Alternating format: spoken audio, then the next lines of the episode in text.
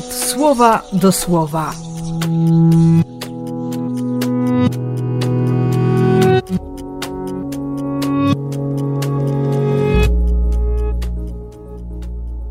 Ósmy marca, środa.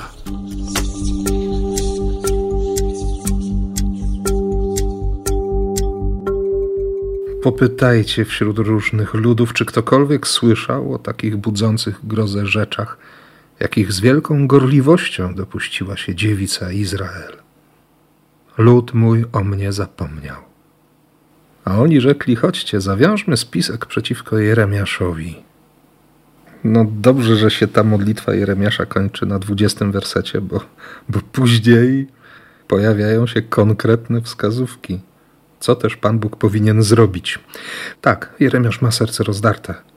Jest wyczerpany, rozczarowany, koszmarnie rozczarowany swoimi rodakami. A Bóg, ha, a Bóg ciągle chce ich uratować. Jakie by nie było moje rozczarowanie innymi, jakie by nie było rozczarowanie kogokolwiek mną, Bóg chce nas ratować. Tak jak w Ewangelii, w tym 20 rozdziale redakcji świętego Mateusza. Te wcześniejsze wersety. Przypowieść o właścicielu winnicy, który zaprasza wszystkich o każdej porze i każdemu chce dać dokładnie to samo. Oczywiście może się pojawić zgorszenie. Harowaliśmy ciężko cały dzień, a ty? Dlaczego złym okiem patrzysz na to, że jestem dobry? Jakby w kontynuacji, za jakąś tam chwilę, Jezus bierze na stronę dwunastu i mówi: Zbliżamy się do Jerozolimy. Zostanę wydany arcykapłanom uczonym w piśmie.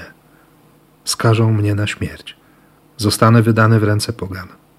Wyszydzą, ubiczują, w końcu ukrzyżują. Jednak trzeciego dnia zmartwychwstanę. Znów otwiera serce. A przychodzi mama Jakuba i Jana i...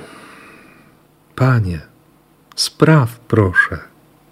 Tak po ludzku mógłby być rozczarowany ale będzie tłumaczył. Podpowie, że jeśli ktokolwiek z nas chciałby być kimś prawdziwie wielkim, niech stanie się sługą innych. Że naprawdę dobrze patrzy się na innych z wysokości kolano, bo on nie przyszedł, aby go obsługiwano, lecz by samemu służyć i oddać życie. Tak kochać. Życzę tego nam wszystkim, nie tylko paniom, to święto kobiet, ale każdemu z nas. I Tobie, i sobie też. Życzę miłości. Takiej miłości, która będzie dla świata wyraźnym sygnałem, że, że można i że warto kochać. Tu i teraz. I tym bardziej błogosławię Cię w imię Ojca i Syna i Ducha Świętego. Amen.